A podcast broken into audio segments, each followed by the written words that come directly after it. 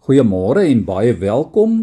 Dankie dat jy hierdie week saam geluister het na 'n paar gedagtes oor hoop. Ek hoop regtig dat jy nog sokkies oor het, uh omdat ons gehoor het dat die Here ons uit ons sokkies uit wil seën.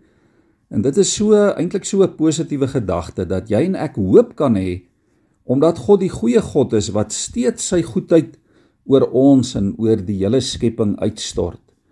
As jy in mense en omstandighede gaan vaskyk vandag, dan gaan jy dalk moedeloos raak, maar as jy op God se werke fokus en op wie die Here is, dan ontplof hoop as dit ware in jou hart en dan word jy self 'n draer van ewige hoop. Ja, liewe vriende, jy en ek moet aanhou om so vir onsself te preek oor hoop. Ons moet aanhou om ons gedagtes te fokus op die dinge sê Kolossense 3 vers 2 wat daarbo is, nie die dinge wat hier op die aarde is nie. Ons moet aanhou om aan God as die bron van hoop vas te hou. Nie net vir onsself nie, maar vir almal wat so moedeloos en negatief en sonder hoop is in hierdie wêreld. Hoop is God se stem wat sê as jy moeg is, dan sal ek jou dra. Jou hoop is 'n stem wat sê as jy geval het, sal ek jou weer optel. Hoop is 'n stem wat sê as jy die pad byster geraak het, dan sal ek weer vir jou die koers aanwys. Hoop is daardie stem wat sê as jy in die donker is, sal ek vir jou 'n lig wees.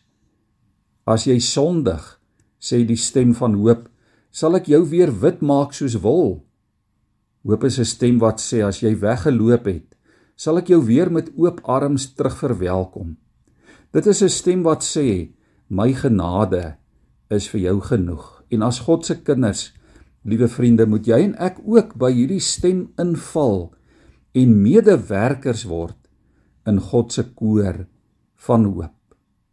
Kom ons hoor dit vanmôre. Ons het dit hierdie week gehoor. Hoop is ook om te verwag dat iets waar sal word.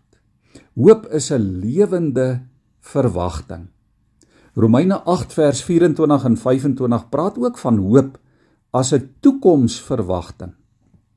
Ons lees daar dat Paulus sê: "Wat 'n mens al sien, hoop jy tog nie meer nie. Wie hoop nog op dit wat hy reeds sien? Maar as ons hoop op wat ons nie sien nie, dan wag ons daarop met volharding."